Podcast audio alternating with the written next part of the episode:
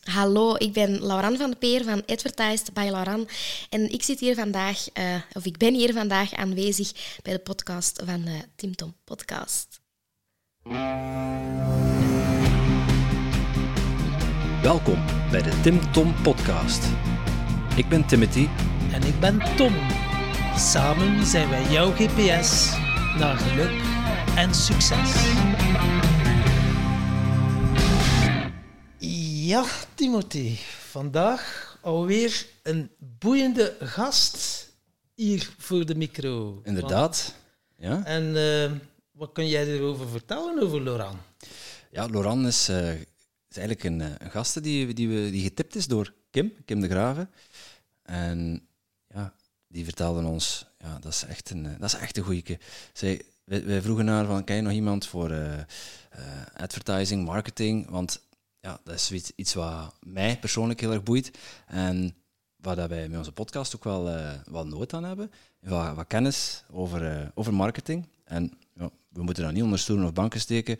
Deze podcast is 100% voor eigen belang. Dus uh, ja, dan konden we niet anders dan Lauran uitnodigen. Hè? Ja, dan denken we bij onszelf, waarom gaan we niet de experten gaan opzoeken, de beste? En Kim is ook iemand ja, die al heel en ander bereikt heeft en ook al enkele mensen heeft ja, versleten, uh, om het zo maar te zeggen, over Facebook en, uh, en marketing. Maar zegt ze, ja, uh, Laurent, dat is eentje, die heb ik nog niet gehad. Dus ja, zijn we echt wel benieuwd. Zeker, ik ben heel erg benieuwd. Laten we snel beginnen, Tom. Dag, Laurent. Hallo, dag Timothy. Welkom eens aan de podcast. Dankjewel.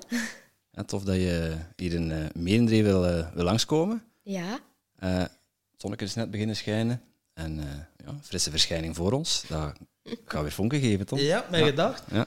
En, Wij starten de podcast dit keer een keer echt. Ja, echt. Met de vraag van de vorige gast. Soms durven we dat een keer vergeten. Komt die op het einde dat we ze stellen, omdat dat zodanig interessant is. Nu gaan we nog een keer echt beginnen met de vraag van de vorige gast. Ik ben benieuwd. En Tom is opgeschreven. Yes, ik kan ze dan niet meer vergeten. Uh, Laurent, van welk patroon wil jij vanaf en waarom? Van welk patroon? Dat is uh, veel te veel uren kloppen. Okay. veel te veel uren werken. Uh, in het weekend bijvoorbeeld. dat was standaard bij mij dat ik altijd een hele zaterdag moest werken. Tegenwoordig begint het me al beter en beter te lukken om uh, dan iets meer vrije tijd te pakken. En uh, ja, echt gewoon beter die uh, werk- en privébalans te behouden. Ik kon je zeggen, moest werken? Om alles rond te krijgen. Ja, van, van, wie moest je dat? Ja, van niemand, maar als ik keek naar mijn to-do, dan moest dat. um, je zegt veel, veel werken, wat, wat, noem jij veel?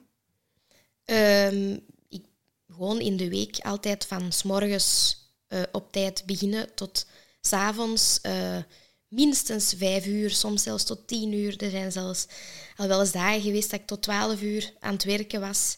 En uh, zaterdag ook. Dan natuurlijk niet zo'n lange dag, maar dat gebeurde wel eens. En uh, ja, je kunt dat niet blijven volhouden. Okay. Er, zijn, er zijn grenzen. En op een duur komt je aan die grens en denk je, er is toch nog net iets meer dan alleen maar werken. en was dat dan in de vorm van uh, burn-out-achtige symptomen? Of hoe heb je dat... Um, goh, ik, ik ga...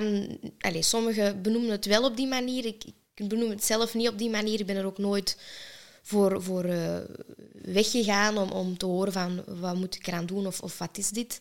Maar gewoon luisteren naar je eigen lichaam. En als je het idee hebt van... Goh, ik zit precies hier toch uh, tegen een bepaald plafond te botsen. Ik, ik moet er iets aan, uh, aan gaan doen.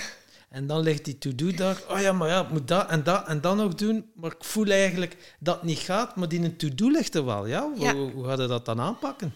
Ja, uh, soms heb je wel bepaalde hobby's of, of sporten in je agenda staan. Maar zelfs dan durf je dan te zeggen van... Ah, nee, sorry, ik heb geen tijd. En gelijk dat Kim zegt van dat is flauwekul. Je hebt geen tijd, je hebt wel tijd. Je moet er prioriteit van maken. Um, dan uh, ja, probeert je toch uh, dingen te zoeken die je niet kunt verzetten door bijvoorbeeld te gaan sporten met een vriendin. En dan is het soms ja, gaat het toch minder snel zeggen van, ah sorry, ik ga niet komen, dan zegt hij zeg, weer al, kom ze, komt eens even een half uur of een uur, je moet toch wel kunnen.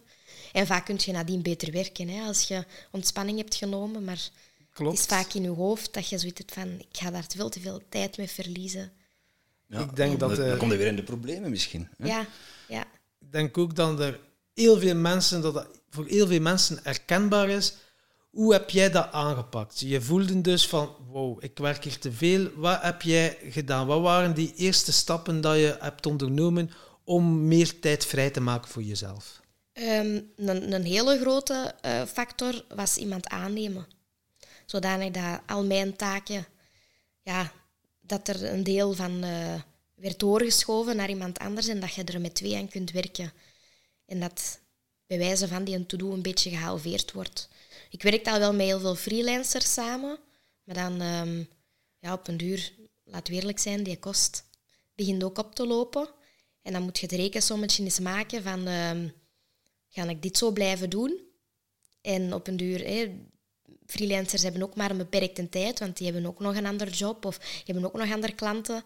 En dan vragen ze van, ja, heb nog meer uren voor mij? Hè? Kan ik u nog meer inzetten? En dat gaat dan niet. En dan ja, begint je denken van, oei, hoe moeten we dat hier gaan oplossen? Ehm, en uh, ja, een rekensommetje maken. En dan komt het erbij uit van, het wordt misschien toch interessanter om iemand aan te nemen. Maar dan denk ik, ik uh, zo, als ik u zo zitten, oei, maar wat ik zelf doe, doe ik beter. Of heeft dat nooit niet gespeeld? Um, jawel, maar um, ik, ik geef heel veel coachings. Dus als ik andere ondernemers coach om hun te leren hoe dat je moet adverteren, waarom zou ik het dan niet ja, iemand kunnen leren die dan voor mij komt werken? Dat is uh, een mooi gezegd, inderdaad.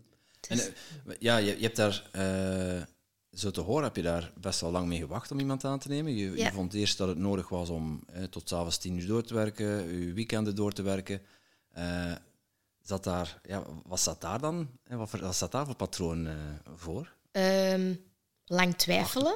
Je, je kan soms wel lang een twijfelaar zijn. Ik heb ook heel lang getwijfeld uh, voordat ik de stap nam om uh, ondernemer te worden.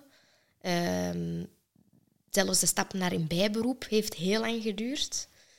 En um, ja, met verschillende mensen daarover erover praten. En, en um, mijn vader had mij als tip gegeven van Laurent, je moet ervoor zorgen dat je agenda echt supergoed gevuld is voordat je dat iemand aanpakt, zodat je niet met lege gaten gaat zitten. Dus ja, probeer het maar hè, even vol te houden om uh, lange dagen te kloppen, zodat je voldoende klanten hebt, dat het lukt om uh, iemand uh, aan te nemen. En, en hij heeft mij daar ook wel voornamelijk in gesteund. Hij, hij is ook altijd ondernemer geweest en met veel personeel gewerkt. En uh, hij had zoiets van, ja, moet wel lukken. Okay.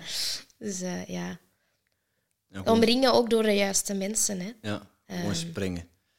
Kun, kun, ja. je, kun je ons meenemen in, in, in, dat proces? Hoe is dat, hoe is dat gegaan? Want jij, jij, jij bent dan begonnen in loondienst, neem ik aan? Ja, ja klopt. Dus uh, nadat ik van school terugkwam, uh, ben ik direct uh, bij een marketingbureau gestart. En daar was ik gestart als gewoon allround marketeer. Die daar alles op vlak van online marketing.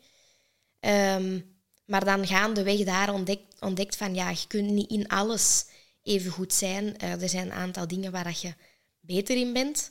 En gelukkig uh, waren ze daar heel flexibel en kon je perfect eigenlijk zo je takenpakket een beetje ja, gaan hervormen, laten we het zo noemen. En uiteindelijk um, zeg maar, ben ik daar vertrokken als advertentiespecialist en ook degene die daar de sales deed. En um, op voorhand, toen ik daar ging solliciteren, uh, toen had ik al aangegeven van, ja, ik heb wel een aantal klanten, maar dat is zo vanuit het school voortgevloeid, dat je dingen ziet op school en je wilt die toepassen in de praktijk. En dat zijn dan dat waren bevriende ondernemers van mijn ouders. En ik had het geluk dat ik daar dan al wat mee mocht samenwerken. Dus dat kriebelde altijd ergens wel, maar ik wist nooit of dat ik daar echt iets mee wou gaan doen. Maar ik had dat wel toen al op tafel gelegd van... Ik heb een aantal uh, mensen waarmee dat ik samenwerk. Um, wie weet, ja, gebeurt het ooit dat ik in bijberoep start.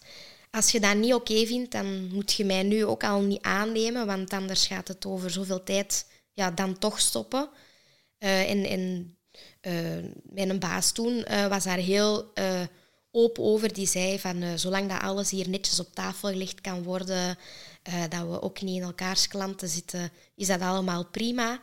En dan, um, ik denk dat ik toen er een een twee jaar ongeveer uh, werkte, toen dat ik dan met de vraag kwam van, ja, het is zover, ik wil mijn btw-nummer gaan aanvragen. Ik wil alles wat gaan professionaliseren. En dat was voor, voor hem oké. Ehm, maar dan na een paar maanden ontdekte ik al van, oei, dit kan ik hier niet blijven combineren. Ik, ik werkte daar 40 uur. Ik deed een uur heen en een uur terug in een auto om naar daar te rijden. Dus ja, vier dagen in de week deed dat. Ik had al kunnen regelen dat ik een dag van thuis uit mocht werken. Dus uh, in totaal is dat dan nog eens acht uur in de week dat ik in een auto zit, dus 48 uur. En ik was ook niet de persoon die echt stipt op 40 uur stopte. Ja. dus uh, dat begon te zwaar te worden. Ik denk dat ik in maart, uh, ja, in maart 2019 was ik in bijberoep gestart.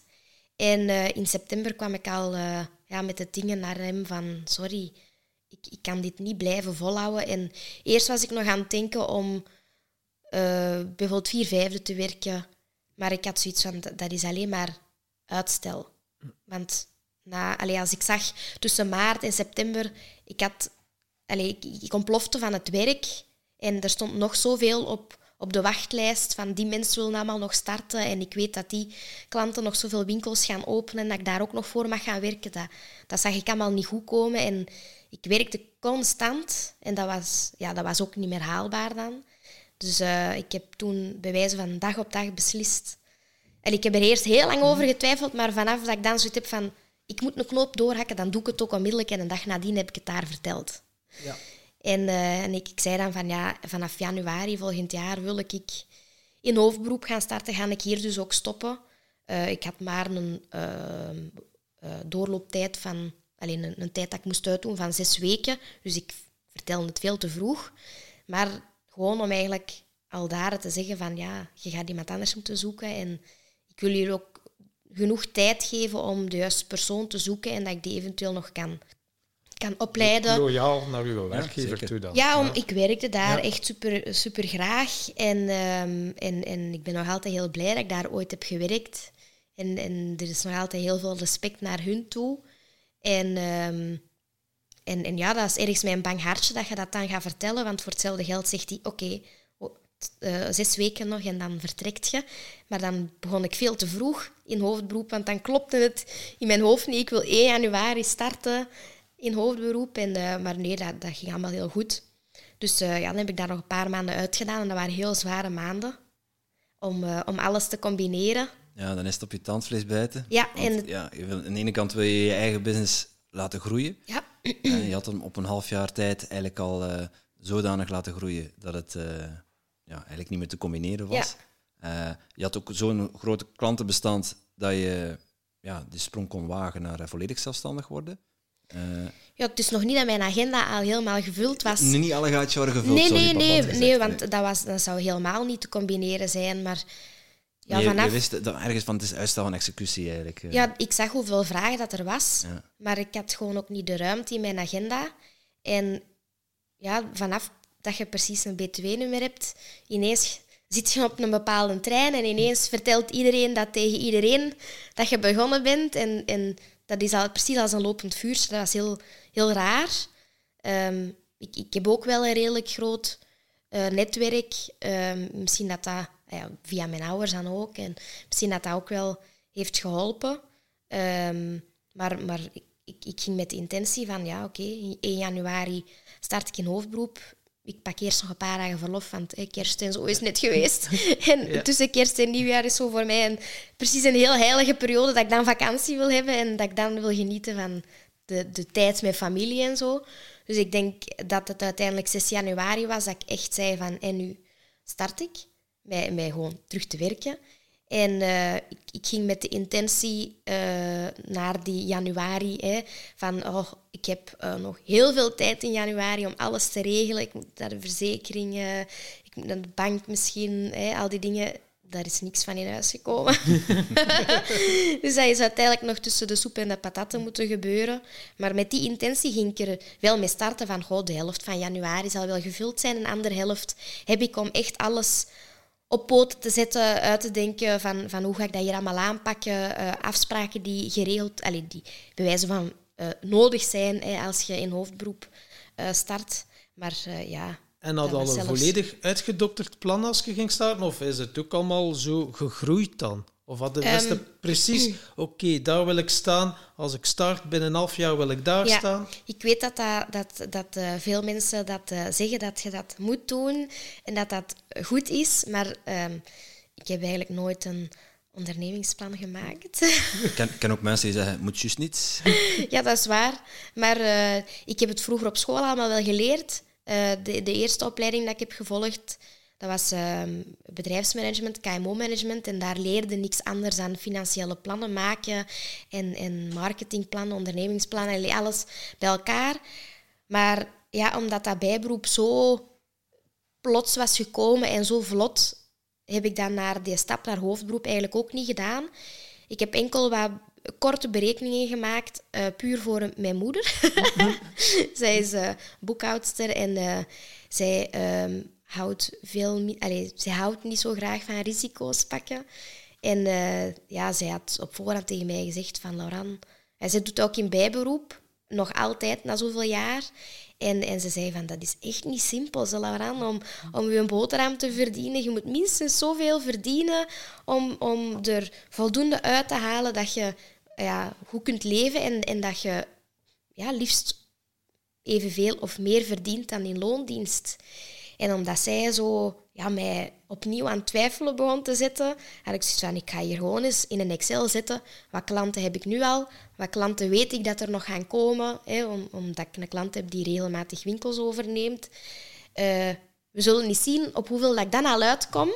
En dat is eigenlijk echt nog maar de basis. Hè? het fundament. En, en ik liet haar dat zien en ik zeg ja, in januari zou ik dan zoveel. En, en tegen december 2020 dan, uh, dan zou ik eventueel aan, aan zoveel zitten. Oké, dat is oké. Als je dat kunt uh, bekomen, dat is oké. Maar ik denk na de eerste twee maanden dat ik er alles over zat. dus nu zegt ze af en toe, Laurent, je bent goed bezig. En als ik weet dat zij dat zegt, dan ben ik ook goed bezig. ja, ja, ja. Dus ze is eigenlijk op anderhalf jaar echt wel de hoogte ingeschoten bij Ja, ja, ja. Van in het begin is het al een tsunami geweest van klanten? Of, uh... ja, eigenlijk wel. En, en ik, ik weet eigenlijk nooit, allee, nog altijd niet goed van hoe komt dat. Um, ik denk de, de sleutel tot succes tot nu toe is gewoon dat ik mij zo heb gefocust op een niche. En ik weet meer dan alleen maar adverteren. Ik weet heel veel rond online marketing, omdat ik het ook allemaal wel heb gedaan. Maar um, door gewoon te focussen... Hoe een gsm? Het zal niet de mijne zijn. Ja. ik, heb hem, ik heb hem op uh, stil gezet, maar trillen, ja. um, maar, maar door te focussen op zo'n niche... Ja, ik, ik heb altijd gezegd, als mensen willen adverteren, ik wil dat ze aan mij denken. En, en, en niet het zoveelste marketingbureau zijn dat, dat alles doet. Want dan ja, gaan ze minder hard aan u denken, want er zijn zoveel marketingbureaus. En je, hebt natuurlijk marketingachtergrond. Je weet ook wat de truc is om uh, ja, marketinggewijs, zeg maar, uh, jezelf te profileren. Ja. Uh, is, is een niche kiezen dan echt zo, zo belangrijk?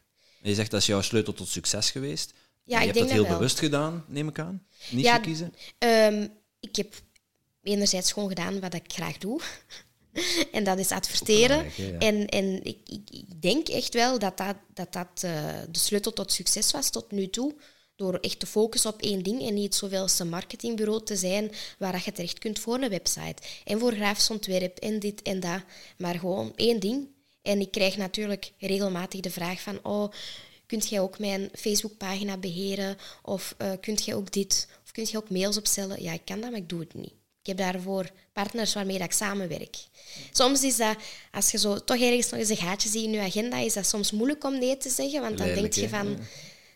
Hè, to- toen ik in bijberoep startte, in het begin heb ik wel nog heel wat aangepakt. Websites en grafisch ontwerp nooit, maar wel Facebookpagina's beheren, mailings en blogs. Maar ik werd daar niet gelukkig van. En naar gelang dat je meer ehm, vraag krijgt van, ja, kunt je mijn advertenties doen, hoe meer dat je op een duur ook nee zegt tegen die andere dingen. En nu zeg ik direct nee. Ja, ja, nu heb je En ik, en ik zet al een aantal mensen in CC waarvoor dat ze daar terecht kunnen. En voilà, die mensen gaan u verder helpen. Maar voor adverteren, kom maar naar mij.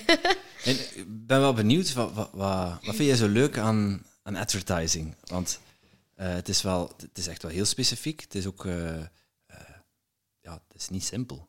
Eh, ik heb mijzelf er een klein beetje in proberen verdiepen. Eh, in die zin, en wij, Tom en ik, zijn ook een bedrijfje aan het opstarten. Dus dan, ja, als eh, ondernemers sta je overal zelf voor aan de lat. ja. Eh, ik snap er geen snars van. Om het maar is zo gewoon te zeggen. Ja, ja, ja. Wat, wat zorgt ervoor dat dat mij zo leuk maakt?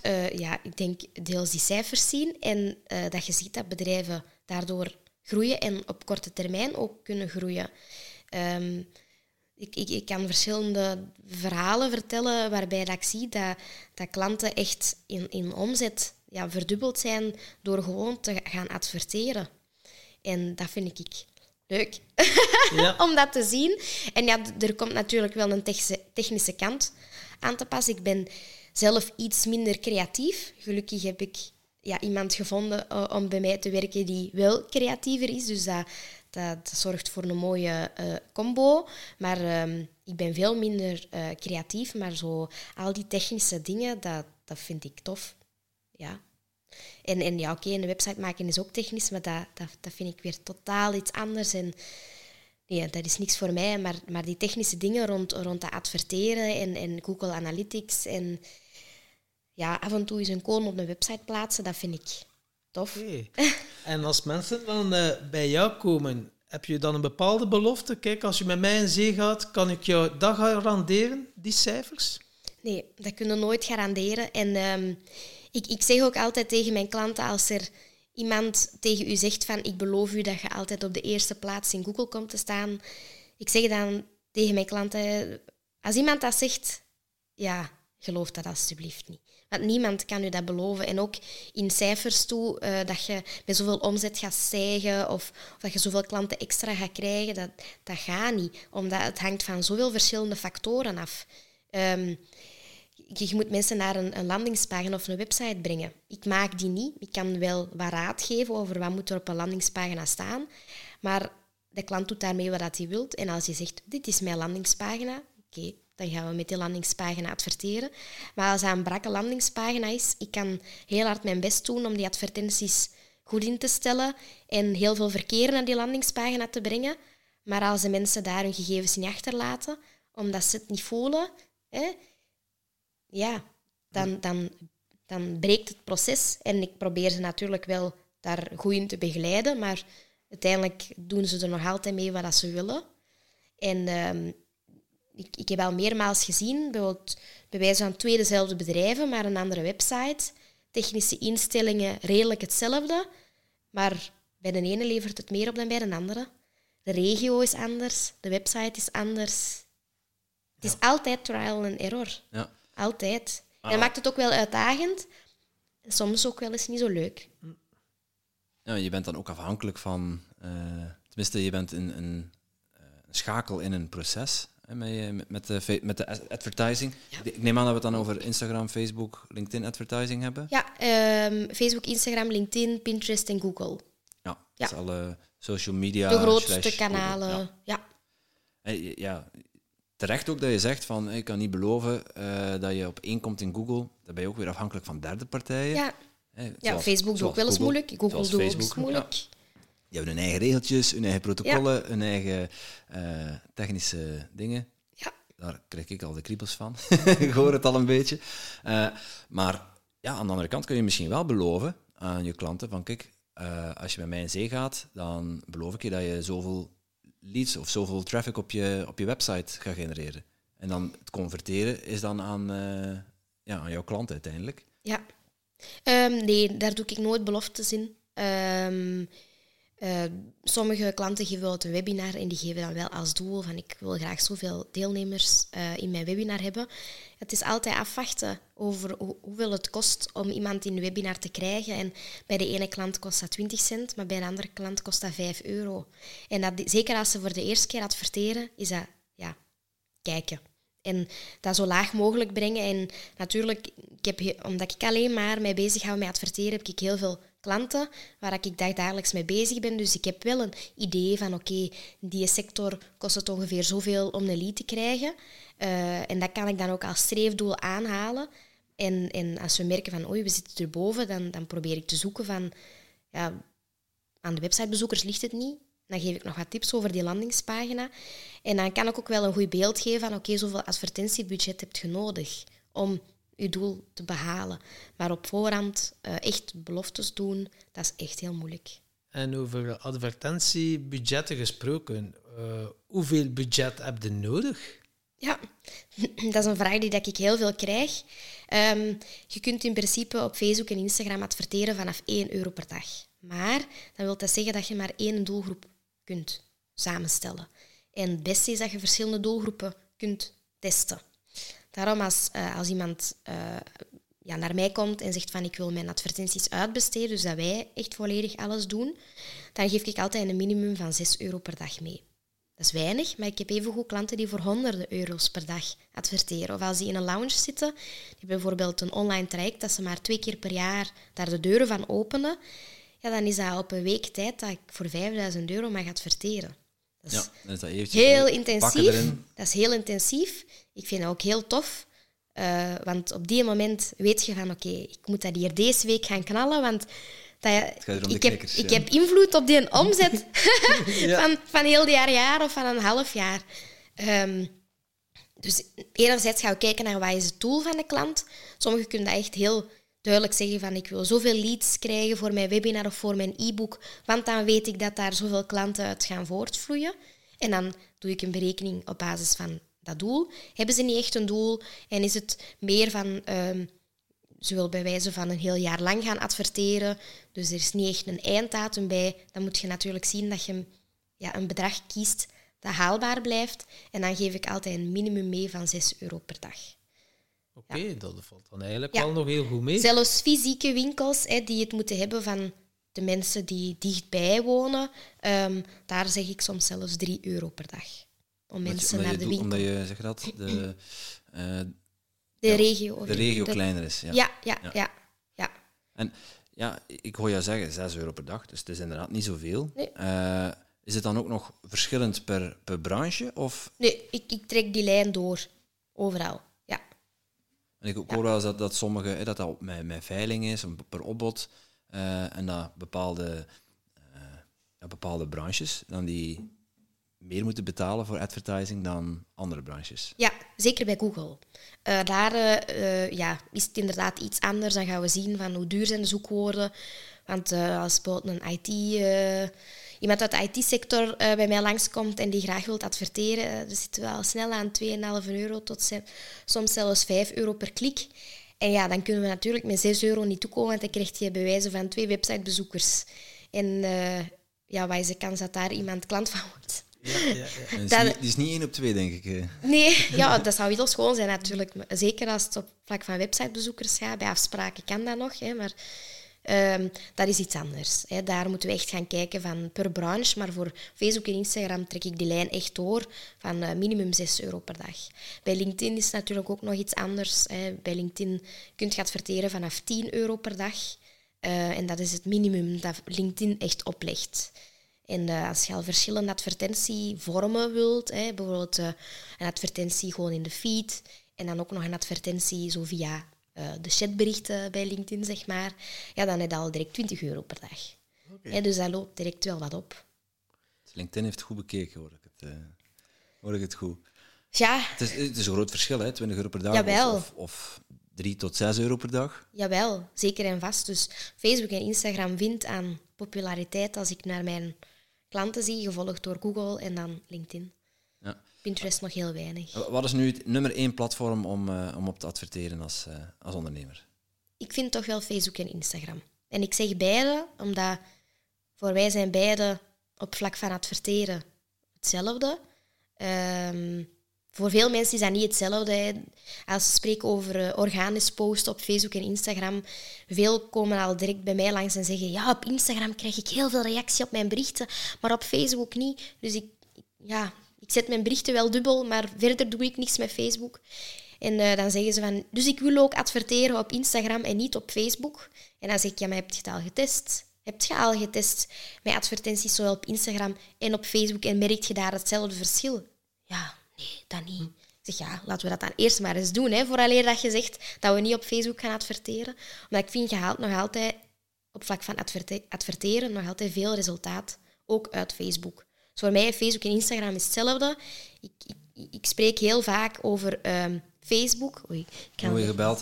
Het, we hebben wel de regel dat je dat, je- dat, je dat moet opnemen. Nee, nee, dat ga ik niet Dat ga ik niet doen. Is die moeder? Nee, nee, nee. Het is iemand waar ik heel duidelijk tegen had gezet, voor half tien bellen. Ah. En Die heeft niet ja, goed geluisterd dan. Hè? En in welk land woont die persoon? ja, gewoon België. Ah ja, oké, dat zou kunnen. Ja, dat half het- tien in een ander land. eh. Nee, nee, nee. Ja, ik heb Nee, soms, ik heb soms klanten die, die, eh, die eh, wonen in een ander land, maar daar is vaak de taal zo, allee, de, de, ehm, de tijdzone hetzelfde. Hè? Oké. Ja, maar ehm, eh, wat was ik nu aan het zeggen? Je was bezig over eh, advertising. Ja, inderdaad. Eh, ah ja, eh, ik, ik, ik spreek heel vaak over Facebook, maar ik bedoel altijd Facebook en Instagram. Het Ja, platform is hetzelfde voor de mensen die het niet weten, eh, Instagram is van Facebook. van Facebook ondertussen. Ja. Ja. Net als WhatsApp trouwens. Dat is allemaal van, van Mr. Mark Zuckerberg en co. Ja, Dus klopt. aan de achterkant is het eigenlijk allemaal hetzelfde. Ja, het is hetzelfde platform waar dat je je advertenties samenstelt. Je kunt letterlijk met één klik aanduiden van ik wil ook op Facebook of ook op Instagram adverteren. En wat maakt nu, wat is nu een, een goede advertentie? Want dan moet je toch wel bij bepaalde zaken rekening houden. Ja. Kan je ons dus een keer meenemen? Zo mensen die zeggen, ja, ik wil eigenlijk mijn product, online product, ook wel promoten en ik wil iets op Facebook zetten. We hebben ook al die keer een La- poging la- la- gedaan. laten, we, de- laten we de proef op de som nemen, want ik heb al ettelijke tientallen tot honderden euro's in, eh, in advertising gestoken om, Ja. om onze luistercijfers wat, eh, wat op te smukken. Eh, weinig succes. Dus ik, eigenlijk doe ik het ook niet meer, omdat voor mij het is alsof ik het in een afvoerputje giet, omdat ik gewoon ook niet weet wat ik aan het doen ben. Ja, Ehm, maar stel, wij hebben een online product, wij, wij hebben een podcast, die is gratis. Wij moeten het hebben van, van luistercijfers. Ehm, als stel, stel, Tim en Tom komen bij jou op bezoek en eh zeggen, Alan, wij willen graag onze luistercijfers opkrikken, kun je ons helpen? ja zeker en vast. En, en hoe, hoe, hoe pak je dat aan? Ja, een, een eerste eh, heel grote tip dat ik bijvoorbeeld al kan geven is zorg ervoor dat je advertentie er niet uitziet als een advertentie.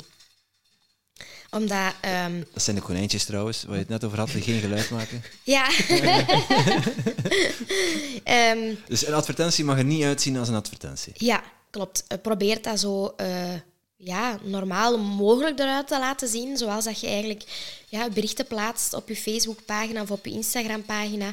Eh als je iemand bent die heel vaak zichtbaar is in de stories, op Instagram bijvoorbeeld, ja, maak dan ook gewoon een filmpje van je eigen met je gsm voor u. En, en dat je ja, zo'n filmpje maakt en gebruik dat ook gewoon voor je advertenties. En ehm, zet daar niet te veel ja, grafische dingen op. Eh, doe gewoon bijvoorbeeld via Instagram zelf de, de tekst erop zetten en download dan die video. En gebruik die om, om te adverteren. En ehm, mensen gaan niet snel doorhebben dat dat een advertentie is, omdat ze zijn gewoon, als u al kennen, hè, eh, zijn ze gewoon om u wel eens in de stories tegen te komen. En dat lijkt gewoon ja, een story, maar eigenlijk is dat een advertentie. En in de feed is eigenlijk juist hetzelfde. En een hele belangrijke is, ehm, je, je moet in het begin van, van de tekst, als je gewoon in de feed gaat adverteren, in het nieuwsoverzicht, moet je met één of twee zinnen starten waarbij dat je echt de aandacht trekt. Sommigen noemen het een stopper, eh, sommigen noemen het eh, ehm, ja, een pakkende tekst, hè, waardoor dat ze echt stoppen met scrollen en dan je van, oh, wat is deze? bijvoorbeeld, ik vind dat de, de kranten daar altijd heel goed eh, op inspelen, met gewone berichtjes aan. Maar ehm, ja, die, die spelen in op sensatie. Sensatie, seks eh, en eh, ja, geld, dat doet het altijd goed, hè? Ja. Internet. En, en, en ehm, ja, die eerste twee zinnen moeten ervoor zorgen dat ze eigenlijk de rest willen lezen. En ik krijg heel vaak de vraag van, ja, een advertentie dat moet toch kort zijn, hè? niet te veel tekst. Nee, nee, dat mag een heel boek zijn, bewijzen van dat je daar vertelt. De eerste twee zinnen zijn belangrijk dat ze stoppen. De rest, eh, ja, in storytelling een, een bepaald probleem schetsen en dan eigenlijk een link leggen naar je aanbod. Ja. En die twee eens- zinnen, die verzin jij niet, daar komen ze naartoe bij jou, met die twee zinnen. Nee. Of help je daarbij? Wij, wij eh, schrijven de teksten ook. Jullie schrijven de teksten ook. Ja. Kan je zo een keer zeggen, een stopper, twee zinnen, wat is zo een van je favorieten? Dat is echt van, kijk, dat was, dat was Ja. echt wel een succes, dat ging echt wel door het dak. Het, eh, het grappige is, ik schrijf de teksten zelf niet, want ik ben geen copywriter. dus mijn collega doet dat. Dus moest zij hier zitten, zij zou direct kunnen zeggen van die een tekst. Ehm, ik ben eens aan het denken, eh, want ik, ik zie natuurlijk ook alle advertenties passeren, maar ja, ik ben daar minder mee bezig met, met die tekst zelf. Wat werkt wel en wat werkt niet? Misschien moet dat, dat onderscheid maken. Ehm, ja, bijvoorbeeld gisteren had ik iemand in een coaching en die had haar advertenties ja, zelf gemaakt natuurlijk. Hè, en, en we gingen ze samen beoordelen. En ehm, zij had daar geschreven van ehm, eh, eh, eh, ontdek, onze, eh, ontdek de mooiste jurkjes. En dat was de tekst van de advertentie. Ontdek de mooiste Jurkjes. jurkjes. Oké. Ja, ja. En, en, ehm, en dan stond er nog ergens shop now. Maar zij gaf aan mij door van ja, ik wil meer volgers. Dus ik ga met die intentie haar advertenties evalueren. Ik zeg, jij wilt meer volgers, maar jij spreekt hier over shop nu. Dat klopt niet. Door shop nu te vermelden, gaat eigenlijk de mensen aanzetten om naar je website te gaan en in de hoop dan natuurlijk dat ze gaan kopen. Maar jij beoordeelt advertentie op basis van volgers en jij krijgt geen extra volgers. Je moet zeggen wat dat de mensen moeten doen. En daar moet dus bij staan, volg, volg ons om de nieuwste eh boho-jurkjes, eh, ja, eh, om daarvan op de hoogte te blijven. En dat is iets dat veel mensen ja, verkeerd doen. Ja, dus geen goede call to action, Ja, zoals ze zeggen. Ja. Dus ja, als je mensen iets wil laten doen, eh zegt ja, maar dat is toch logisch dat ze dan naar onze website moeten, is toch logisch dat ze ze moeten volgen. Ja, maar als je ze niet vraagt, is het voor ja, degene die die advertentie leest niet duidelijk wat hij moet doen. nee. Dus Je een moet duidelijke eigenlijk... call to action, eh, sorry, een, ehm, eh, een goede openingszin om mensen te pakken, Ja, aandacht te trekken en een duidelijke call to action. Ja, dat is echt heel belangrijk. En eh, je kunt wel in je tekst vermelden van eh, eh, volg ons of shop nu, maar je moet ook aan Facebook duidelijk maken van wat is je doel. En ehm, je kunt verschillende doelen instellen. Ja, als je, dan heb ik het nu even heel technisch. maar je kunt verschillende doelen instellen en, en ehm, als je bijvoorbeeld het doel instelt verkeer, dat wil zeggen, je wilt meer mensen naar je website brengen, dan gaat je eigenlijk tegen Facebook zeggen van kijk, ik wil dat jij op basis daarvan mijn website net wel of net niet aan mensen gaat tonen. En dat staat los van je doelgroep. Hè. Je hebt een doelgroep moeten samenstellen, eh, mannen, vrouwen, dus bepaalde leeftijd, dat is heel veel mogelijk. En ehm, dan nog gaat Facebook kijken van oké, je hebt ingesteld het doel verkeer, jij wilt mensen naar je website brengen. Dan gaat Facebook kijken van oké, die doelgroep dat jij nu hebt samengesteld, ik ga niet aan iedereen daarvan advertentie laten zien, maar ik ga de advertentie laten zien aan mensen die ook klikken. Dus stel dat er iemand in uw doelgroep zit die eigenlijk altijd maar gewoon ja, zit te scrollen op zijn profiel, daar gaat Facebook minder snel uw advertentie aan tonen. Want dan voldoet dat niet aan ja, het doel. En, en daar eh, zitten heel veel mensen ook zo nog wat ja, met te struggelen, met het juiste doel selecteren. Ik zeg, je moet echt open kaart spelen naar Facebook toe. En, en als jij wilt dat mensen eh, bijvoorbeeld eh, je adverteert met een video en je wilt dat mensen zo lang mogelijk je video gaan uitkijken, dan moet jij dat doel selecteren. Laten we het een keer lekker concreet maken. Stel nu, wij willen nu van de aflevering met jou, wij willen de, de best beluisterde aflevering van, van de Tim Tom podcast. We zijn, ons best beluisterd is al over de duizend keer beluisterd, maar nu hebben we zoiets van, nee, met Laurent, we gaan een keer voor zorgen, een keer zien of dat, dat echt marcheert, dan moet nu ik op korte tijd de best beluisterde aflevering worden. Mhm. Hoe zouden we dat aanpakken? Ja. Eh, als doelgroep eh, zou ik sowieso gaan filteren op mensen die eh, beheerder zijn van een Facebookpagina.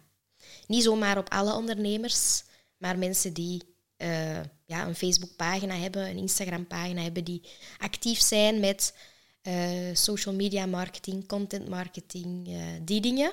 Eh, omdat die meer geneigd zullen zijn om ja, de podcast te willen luisteren, omdat ze misschien nog nieuwe dingen gaan ontdekken rond, rond adverteren. En ik zou dus niet... Alleen de fout dat ook veel mensen maken is, ja, mijn doelgroep zijn ondernemers. Oké, maar probeer dan per, in jullie geval, per podcast te kijken van oké, waar hebben we het ook over gehad en kunnen we daar eh, niet specifieke ondernemers voor zoeken. Ah ja, wat wij, ja, ik dacht al direct, ja, onze podcast gaat over geluk, succes, Ja, inspiratie. Dus ja, dacht ik, oké, dat is een doelgroep, maar echt wel, het is nog meer inzoomen, Ja. echt wel Ja. specifiek. eh, Ja. Maar Het onderwerp, ja, als je, dus het doel is nu zoveel mogelijk luisteraars voor de podcast van Lauran. Dat betekent ook dat we heel goed moeten kijken van welke mensen zouden de podcast die we nu aan het opnemen zijn het meest interessant vinden.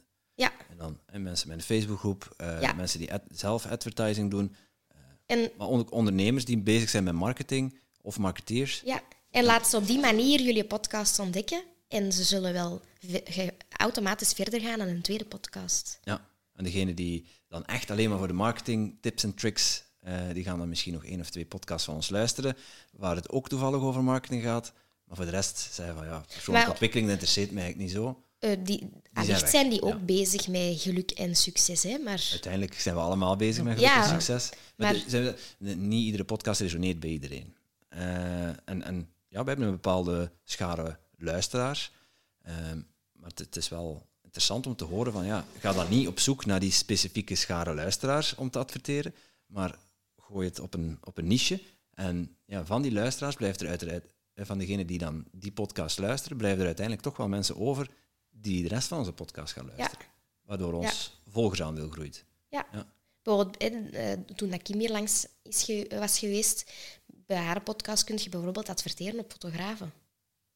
mhm. Want ze gaan heel wat tips meepakken die Kim heeft verteld voor fotografen.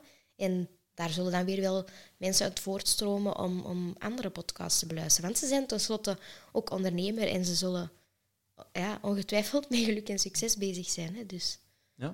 Ja, interessant. Zo, allee, dat is nu, hè, omdat ik het nu alle minuut moet zeggen. Natuurlijk, hè, als klanten naar ons komen, hebben we vaak iets meer tijd om erover na te denken. En het kan soms gebeuren dat het eerste waar ik aan denk, dat dat op die moment het interessant, interessantste lijkt, maar als ik dat even laat bezinken, dat we toch nog een ander pad op gaan. Hè. Maar dit is momenteel nu Ja, alle minuut het eerste dat- waar ik al- aan denk. Het is al een heel andere denk, eh, manier van denken zoals, eh, zoals Tom en ik erover denken. Wij denken, ja, de mensen targeten die naar onze podcast luisteren. En dan gaan we kijken, wie zijn die mensen die naar onze podcast luisteren? Wij, wij hebben heel veel volgers eh, die coach zijn of die ondernemer zijn.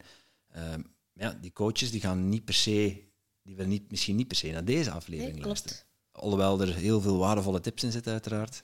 Eh, maar ja, gewoon de, de manier van eh, de insteek is, Ja. is, al, is al tof. En eh, ik heb bijvoorbeeld in het verleden al wel eens geadverteerd voor iemand die een podcast eh, heeft. En ehm, aan haar warm publiek, daar bedoel ik mee mensen die haar volgen of al eens op haar profiel zijn geweest, eh, mensen die op haar website zijn geweest. Daar laten we advertenties aan zien van de meest recente podcast. Om eigenlijk op die manier, enerzijds kun je steeds op zoek gaan naar nieuwe luisteraars, maar anderzijds kun je ook je huidige ehm, Publiek luisteraars ja. blijven warm houden en ervoor te zorgen van dat ze ja, nog meer podcasts van u gaan eh, beluisteren. Ja, ja, dat je dan eigenlijk op twee eh, fronten eh, Ja. gaat eh, adverteren. Ja, ja. Ja, interessant. Ehm, en als je eh, ja, zo'n advertentie hebt opgezet, ehm, en dan zet je, de, zet je de machine aan en dan gebeurt alles vanzelf? Of hoe, hoe- moet ik dat, Nee. dat? Eh, veel mensen denken van, nou, als ik vandaag een advertentie opzet, dat kan het komende jaar wel blijven lopen. Maar dat is helaas niet het geval. Je moet constant bijsturen. Had al zo'n vermoeden. Ja. Ja, ja. Ehm, ja, een advertentie die bijvoorbeeld vorig jaar supergoed liep, dat kan zijn dat die dit jaar niet goed liep. Ook al heb je die volledig opnieuw eh, opgezet. Je gaat opnieuw eh, ja, de teksten moeten veranderen, de foto's moeten veranderen, de, de wereld is veranderd. Eh, je, moet, je moet andere in, invalshoeken zoeken om, uh, ja, om terug je advertentie aantrekkelijk te maken. En dat, dat vergeten soms veel mensen. Bijvoorbeeld, uh, en nu zijn we juli. Ja, het kan soms gebeuren dat je nu nog een advertentie ziet rond Valentijn. Ik heb het effectief al meegemaakt. En, Oeps. Ja, ik heb, en dan maak ik daar een screenshot van en dan uh, verberg ik wel de naam van, van bedrijven. Ik wil niemand zwart maken, maar ja, ik gebruik dat dan wel in, in, in mijn sociale media om, om aan te tonen van kijk, ja, het kan eigenlijk je imago alleen maar verslechteren. En dat is puur omdat ze hebben een advertentie opgezet, ze hebben daar niet meer naar gekeken. Ze zijn een einddatum vergeten in te stellen. bij Valentijn is er wel echt een einddatum. Hè, de veertiende, de laatste dag dat het hè, online mag, mag staan, die advertentie. Is dat um, per ongeveer 14 november aangeklikt? Ja, dat kan. Hè. er kan van alles gebeurd zijn. Ja, dat, wel, dat, dat, zijn dure foutjes, ja. Ja, dat zijn dure fouten en die kunnen, die kunnen uw imago ook schaden. Nu, in dit geval gaat het puur over Valentijn, maar tijdens corona, allez, corona is er nog altijd, maar echt zo met de, met de lockdowns, dan zag je ook advertenties passeren van alleen mannetjes, dit kan u toch niet. Ja. bijvoorbeeld dat de zaak dicht is uh, en dat ze toch nog aan het adverteren zijn, maar mogelijk schoon er niet aan hebben gedacht hè, dat die advertentie nog loopt. En dat kan bij heel wat mensen, afhankelijk van wat ze communiceren natuurlijk, kan echt in, het, in, het, uh, in een verkeerd keelgat schieten. Ja, ja, zeker. En uh, ja, ik wou iets vragen, maar dat konijn heeft daar, uh, is er zijn ja, gooi aan het skarten en ben volledig van mijn wap. Uh, ja. het, is maar, het is maar een konijn, hè, Tom. ik weet het. De, de afleiding was... Ik heb zo'n idee wat we eten vanavond. Uh, ja. Konijn. ja, ja. Um, ja, onze, zeg je dat? Um, uh, nu, ben ik ook, nu ben ik ook van mijn lexicon. Kijk, uh, onze podcast gaat over geluk en succes, persoonlijke ontwikkeling. we hadden het net al even over, over jouw work-life balance. Um, en daarna zijn we heel snel de techniek ingedoken. Ja. maar ik ben, ben ook wel benieuwd van, ja, heel veel werken, een patroon dat je, dat je wil doorbreken. Maar ja, wat voor tips heb je van onze luisteraars om, om een goede work-life balance uh, te krijgen? Um, enerzijds uh, ja, naar uw lichaam luisteren. Um, als uw lichaam zegt, ja, dit is, het is even genoeg, dan moet je daar naar luisteren. En um, ik, ik gebruik ook wel een agenda. En ook al ben ik zo uh, online altijd bezig, zo digitaal, ik hou ervan om ook een agenda papier te hebben. Niet dat ik daar echt afspraken in vermeld, maar daar blok ik eigenlijk gewoon bepaalde um, ja, delen in. Hè, van, uh, dan uh, ja, ga ik echt sporten. Dan neem ik eens de tijd om rustig met een hond te gaan wandelen. Um, ja, een hond pakken was bij mij ook wel een... een, uh, een, ja. een hoe moet ik het zeggen? Zorg ervoor dat ik um, eens sneller van mijn bureaustoel kom. En dat ik moet gaan wandelen buiten. Ja, ja. Uh, niet dat iedereen een hond moet gaan kopen, dat, dat gaat de verkeerde richting uit dan. Maar je wou graag een hond en het was een mooie, ik wou, mooie, ja, mooie combi. Voilà, hè, want bij, bij uh, mijn ouders thuis zeiden van oh, Laurent zou dat wel doen, dat vraagt veel werk en je gaat daar altijd moeten mee gaan wandelen. Hè. Ja, maar misschien wil ik dat ook wel, hè. Ja. ermee gaan wandelen. En ja, dat heb ik de morgen al heel vroeg uh, gedaan. Om even met die hond naar buiten te gaan en ja, dingen zoeken waardoor dat je in mijn geval ja, niet op die bureaustoel zit. Ja. Ik zit altijd op die bureaustoel. Vind je, die agendablokken vind ik, vind ik een interessante. Ja. Je hebt de papieren agenda dan. Ja. Um, hoe, hoe doe je dat? Zijn dat? Ja, je begint dan met het vastleggen van, van je ontspanningsmomenten. Van, dan ga ik met de hond wandelen, dan ga ik sporten. Uh, ja, dan ga ik met vrienden zowel privé als werk. Ik, ik, ik, bijvoorbeeld op uh, woensdag is bij mij een dag dat ik bijna van, van s morgens tot s avonds afspraken doe. En dan ben ik een hele dag bezig met afspraken. En ja, hopelijk dat ik dan geen slechte dag heb en dat ik heel de dag goed uh, alles kan verwoorden. Want als je dan een slechte dag hebt, ja, dat is dan misschien ook niet zo handig. Maar bij mij is op woensdag een dag dat ik alleen maar afspraken doe. En um, momenteel loopt er bij mij ook een, een coaching traject. Dat is vaak op donderdag en op vrijdag. Dat is niet elke week, maar dan de weken dat dat traject niet ja, live met de deelnemers hè, bezig is, dan uh, hou ik nog steeds die twee dagen om te werken aan dat opleidingstraject. Om dingen voor te bereiden. Ehm, op maandag is bijvoorbeeld de dag dat bij ons altijd alle cijfers van de klanten worden ingegeven, van de resultaten. En dus ik probeer zo eigenlijk heel veel te blokken, zodat ik ook ja, efficiënt aan het werken ben. Omdat op een gegeven moment had ik het idee van, wat ben ik nu eigenlijk vandaag? Allee, wat heb ik vandaag eigenlijk allemaal gedaan? Veel en niks. Omdat je wordt constant gestoord door een mailtje en dan, allee, oh, ik zal dat mailtje snel doen. En dan zet je weer uit je focus en ja, da- daardoor eigenlijk- heb je soms precies niks gedaan. Heel herkenbaar. Dus eigenlijk doe je. Ja. Dat, ja. Dat woord gebruiken ze daar inderdaad voor. Nu, ehm, ik was op een gegeven moment zo hard bezig met dat badje dat ik op een duur ook wel het idee had dat ik precies een fabriek was. En dat is natuurlijk dan de keerzijde, hè, omdat je bepaalde dagen zo met hetzelfde bezig bent, dat je dat, dat misschien op een uur ook niet meer zo leuk aanvoelt. Dus ben ik wel wat gaan, gaan veranderen in mijn eh, blokken, en dat er iets meer afwisseling in zit. Een beetje plezant blijven ook natuurlijk. Hè? Ja, voilà. Maar eh dat heeft bijvoorbeeld mij wel heel hard geholpen. En ja, het klinkt misschien raar, maar ook nee durven zeggen. En, en in het begin zei ik altijd van, oh ja, ja... Oei, ik kom hier aan die micro. Eh, in het begin zei ik altijd, oh ja, we gaan dat er nog proberen tussen te pakken. Heel veel brandjes blussen ook. hè. Nieuwe klanten die willen opstarten en die dan over twee weken al een webinar hebben, waardoor dat je eigenlijk nu vandaag al direct moet starten met adverteren. En ja, je moet leren nee zeggen. En dat is in het begin, zeker als beginnende zelfstandige, heel moeilijk. Want je denkt, elke klant dat erbij komt, dat is mooi meegenomen. Maar toch moet je op een bepaald moment op dat punt komen dat je nee moet durven zeggen. En momenteel lukt dat al aardig. En hoe komt dat dat dat gemakkelijker lukt? Dat is door te werken met een online agenda waar dat klanten afspraken in kunnen plannen. Oké. En, en, op een gegeven moment ben ik heel wat gaan beginnen automatiseren, want ik kreeg heel veel vragen van, oh, voor een afspraak. En dan zit je tien mails te sturen vooraleer dat je uiteindelijk een, een datum hebt gevonden. En daar verschijt je gewoon keihard tijd aan. En dan is het heel moeilijk om nee te zeggen. Als je zo echt in die conversatie zit. Dus eh, nu, als je op mijn website gaat zien, je hebt daar een knop afspraak maken. Je kiest de juiste afspraak dat je nodig hebt. En je ziet direct de vrije plaatsen. En wat voor agenda is dat dan? eh, Als nu luisteraars denken, ja, ik wil dat hier ook eh, implementeren in zo'n online Je, je agenda. hebt van eh, Google, eh, bij Google noemt dat eh, Calendly, als ik mij niet vergis.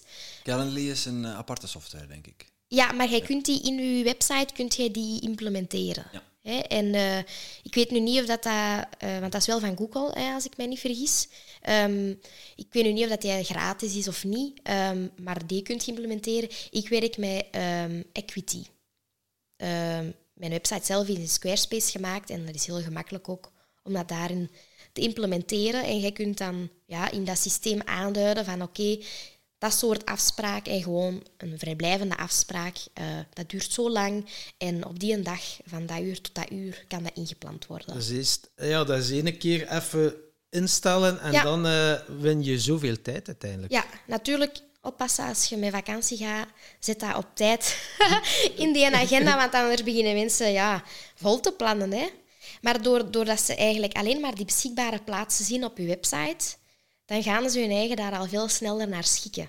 En er zijn er heel weinig die zullen sturen van sorry, ik vind geen momentje.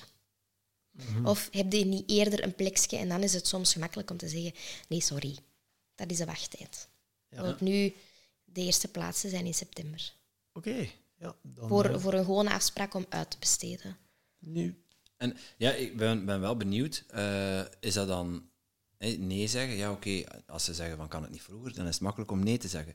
Ehm, maar als je je agenda opengooit, kan wel zomaar iedereen daar een afspraak in boeken. Ja, En is zomaar iedereen jou, eh, zeg dat, wil je zomaar voor iedereen werken?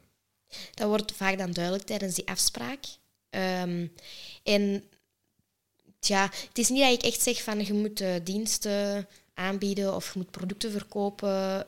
allee, het is niet dat ik daar eh, een, een verschil in maak.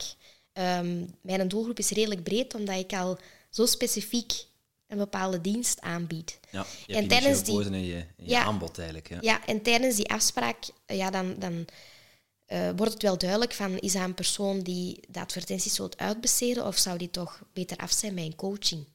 En ja, som, soms gebeurt het ook dat ik iemand moet teleurstellen na een afspraak. Dat ik zeg, sorry, maar we gaan niet adverteren. Want ja, als bijvoorbeeld nog geen website is, uh, dan wordt dat allemaal heel moeilijk.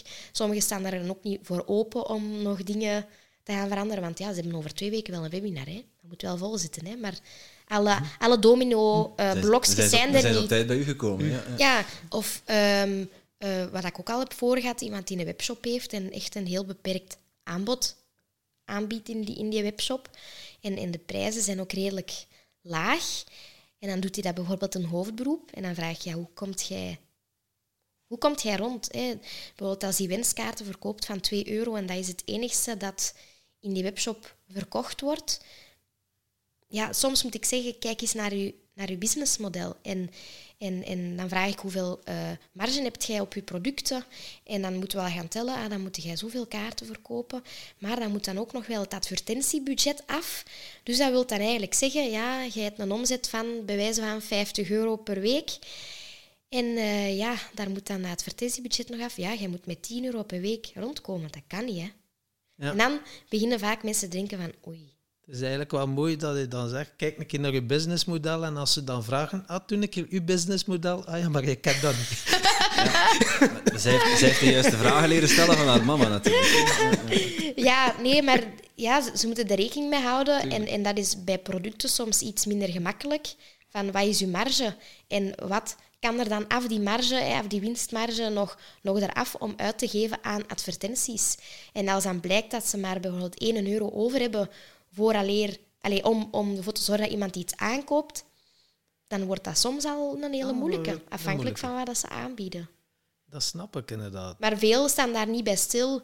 En, en ja, dat zorgt ervoor dat, dat ik soms... zomaar gaat adverteren en uh, dat uh, het allemaal mooi gaat binnenlopen en uh, yes. Ja, hun product moet goed zitten of hun dienst moet goed zitten. En ja, je mag zoveel budget hebben als je wilt, maar als je product of je dienst niet goed zit, dan wordt het soms moeilijk om met advertenties daar recht te trekken.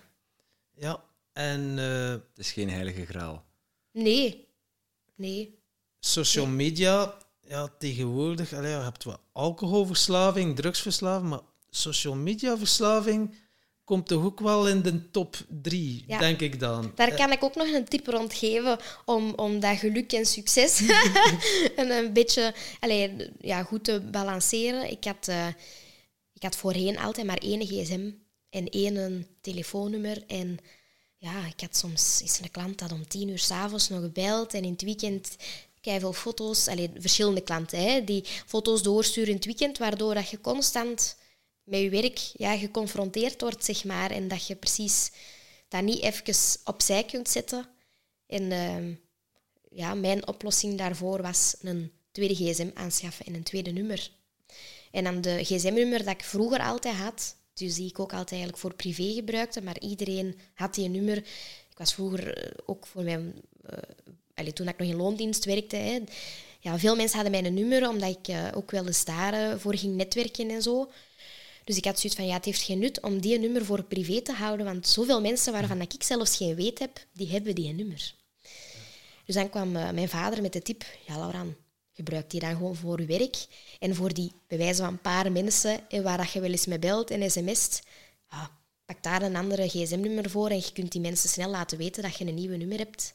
Of toch degene waar je heel vaak contact mee hebt. Hè. En die passen dat wel aan in hun gsm en het is klaar. Hè. En is dat dan ook zo een Nokia old school, dat je niet meer op net, internet kan? Nee, nee, nee, nee, Het zijn, wel, het zijn wel twee smartphones. maar aan bepaalde apps zet ik dan expres wel of expres niet op de ene gsm.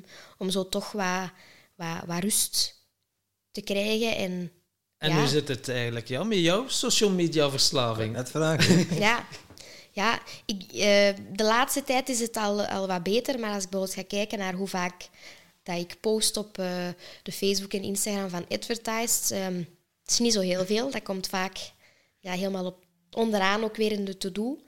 Maar nu met Jana erbij, ja, ik geef dat haar ook mee als opdracht. En uh, dat, dat begint goed te lukken, dat er op regelmatige basis iets opkomt. Ik heb dat ook geprobeerd bij Tom, maar dat lukt niet. heb je daar nog tips voor? Takenpakket goed omschrijven op voorhand. maar um, ik, ik zit zelf heel vaak ook te scrollen op, op Facebook. En op Instagram, LinkedIn iets minder, maar ehm, ja, mijn vriend moet mij soms er wel op... eh, hij die betrapt me soms wel op dat wij tv aan het kijken zijn en dat ik zo nog eens heel even snel en dan... Laura, ja, gsm aan de kant. en weer even kijken naar... eh, ah, nog eens even snel zien. Laura, ja, ja, ja, ik Ja. moet meekijken. Het is er ook voor gemaakt heel mensen verslaafd te Ja, maken. Als je dan ziet eh, de Social Dilemma op eh, Netflix, als je ziet wat dat er allemaal achter zit, Ja. dan denk je ook wel, wow, wat is dat hier allemaal? Ja, de, er zit heel veel achter en, en ja, het is zo verslavend. Hè. En- Heb, je, heb je voor jezelf wat dingen om, om je verslaving te beperken? Of om je eh, social media gebruik te beperken? Dat het eh, netjes zeggen. Ehm, ja, ik heb bijvoorbeeld op mijn gsm eh, de meldingen... Allee, op mijn privé-gsm dan heb ik de meldingen afgezet. Dus dat wil zeggen, ik krijg niet, geen melding binnen als iemand mij een chatbericht heeft gestuurd of als iemand eh, iets heeft geliked of zo. Dat komt niet binnen, niet binnen, dus ik moet echt al gaan kijken. En dat heeft bij mij eh, ervoor gezorgd dat ik iets minder vaak ja, op mijn gsm kijk. Want elke keer als je melding krijgt, ja, dan zit je te kijken. Dus dat, dat zorgt er wel voor dat ik het zo wat, wat beter aan de kant kan leggen. En is het dan ook bijvoorbeeld dat je zegt, oké, van dat uur tot dat uur Nee, geef ik dat mezelf... eigenlijk niet. eh, dat werkt niet voor je. Of- Ja, dat heb ik eigenlijk nog niet echt eh, geïmplementeerd. nee, dat zou inderdaad ook nog, nog eh, een tip kunnen zijn. Allee, of, of, of ik zou dat nog kunnen toepassen, maar dat heb ik nog niet gedaan. Nee. Oké. nee. En eh, ja, je had het, eh, we hadden het net over, eh, over de work-life balance. Ehm, maar, sorry, over, de, over dat patroon wat je, wat je achter je hebt gelaten. Eh, maar je bent ondernemer, dus je, ja, je zult ongetwijfeld, en het klinkt nu allemaal als een succesverhaal, hè, binnen een half jaar eigenlijk vanuit loonjob fulltime naar eh, ja, fulltime ondernemer. Mhm. Maar je zult waarschijnlijk ook wat tegenslagen tegenkomen zijn. En Ehm. ik ben wel benieuwd hoe jij daar dan mee omgaat. Het, het klinkt misschien raar, maar echt heel grote tegenslagen heb ik hout vasthouden. No- momenteel nog niet gehad. Wel een spannend moment. En dat was eh, toen dat eh, dan ja, vorig jaar de corona begon. Ik had eh, heel wat workshops gepland. En ehm, ja, ik zag die allemaal in het water vallen. Ik was, ja, wanneer had ik ze gepland? Ma maart, april, mei en juni. Ik had er zo al heel wat op voorhand gepland. En ja, die konden niet doorgaan. Hè. En dan had ik zoiets van, oh, hoe, kan ik dit nu hier ja, op een snel tempo hè, gaan, gaan oplossen? En ehm, ik, was dan, ik heb dan op één week tijd eigenlijk een online cursus gemaakt. En eh, die heb ik dan ja, eh, op de markt gezwierd. Om op die manier eigenlijk die workshops een beetje... Ja, de inhoud van die workshops kwam dan nu voor in die online cursus. Degene die hun hadden ingeschreven voor die workshops, daar was ik dan, ja, had ik dan ge- eh, gevraagd van... Ja, geen idee hoe lang dat dit hier gaat duren. Wilt jullie wachten tot er misschien nog eens workshops gepland kunnen worden? Of eh, vind je het oké dat we het gewoon omzetten naar die online cursus en dat je mij nog wel vragen mocht stellen, moest er iets onduidelijk zijn? Zodat als iedereen heeft gezegd van oké, ik wil met die online cursus wel aan de slag. Eh, maar dat was toen zo wel even zo een klein paniekerig momentje van... Shit, wat is dit hier? En, en, en ook met het gedacht van, ja, wat gaat dat geven bij mijn klanten? Gaan er veel klanten stoppen of niet? Ehm, maar ik ben er heel blij om dat er echt heel weinig klanten zijn gestopt en dat er meer vraag kwam naar adverteren. Ja, je zegt van ik heb nog niet veel tegenslagen gehad, maar ik denk dat het ook perceptie is. Eh, want als ik jou zo bezig hoor, Ja, hoe dat je misschien in het leven staat. te maken. Ja. Ja. misschien inderdaad. Ik ben altijd wel iemand die Ja. het leven ziet door een, een roze bril. Ja, en ook een aanpak weet. Want je zegt van, oh ja, de corona en dan oei, die workshops kunnen niet doorgaan. Er zijn mensen gewoon gestopt met hun business. Want, Ja, ja. want, het, want eh, ik kan niks meer doen, want ah, corona. En jij denkt, oh, ik heb een weekje tijd, ik ga even een online cursus maken. Dat is waar. Ja, het, het kan daar inderdaad ook mee te maken hebben. Eh, vr- vroeger, en dan spreek ik over hè, lagere school en middelbaar, stond altijd op mijn rapport van... eh, ze is toch zo'n optimist en ze ziet leven door een roze bril en eh, ze babbelt veel en eh, zit ze voor een deur, eh, bij de deur van achter in de klas, dat ze niet meer zou kunnen babbelen, dan babbelt ze nog wel tegen die deur. Zo'n dingen stonden er altijd op. Maar ehm, ja, het kan inderdaad daarmee te maken hebben. Ehm, maar ja, voor de rest, gewoon buiten die struggle rond, rond werk en, en privé, heb ik nog niet echt spannende of, of angstige momenten gehad, eigenlijk. Dat niet. En, En- ja, zeg.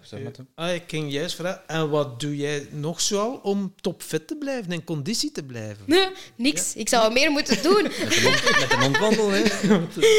We, we zijn momenteel aan het verhuizen en eh, ik heb eh, van de week heel mijn klerenkast nog eens gepast. er kan toch wel heel wat aan de kant gezet worden. Maar eh, eh, Allemaal, te groot geworden. nee, nee, nee.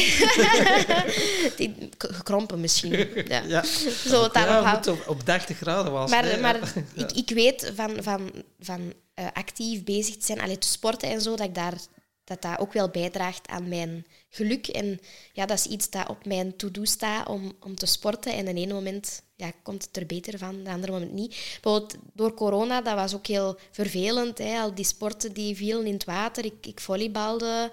Ehm, ja, dat moest direct stopgezet worden.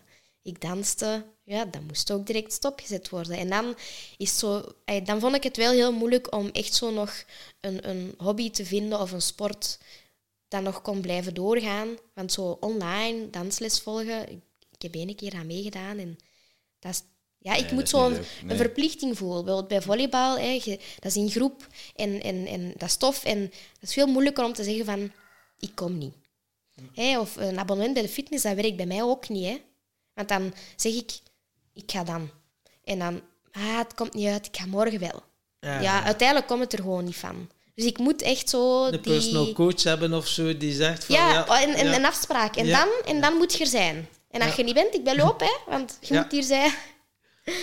En heb je dan een bepaalde ochtendroutine, bijvoorbeeld mediteren of ademhalingsoefeningen? Of eh, is dat... Daar eh, probeer ik nu zo aan naar te zoeken. Nu, hè, s morgens is het even met de hond gaan wandelen. Eh, klinkt raar, maar ik had een bepaalde serie die ik 's morgens volgde. Die is nu gedaan, maar dat was zo even een momentje. Ik pakte dan mijn eten erbij en dat ik een half uur die serie volg en dat ik zo op het gemakske Ja, ja. de dag wat volg. Ehm, maar ik ben zo daar nog wat zoekende naar van hoe begin ik mijn dag op een rustige manier. Want heel vaak is dat, ik word wakker, die wekker gaat af, allez, die wekker gaat af, ik word wakker en eh, ik pak die gsm en ik begin al in mijn bed te scrollen. En, en Dat is werk, hè?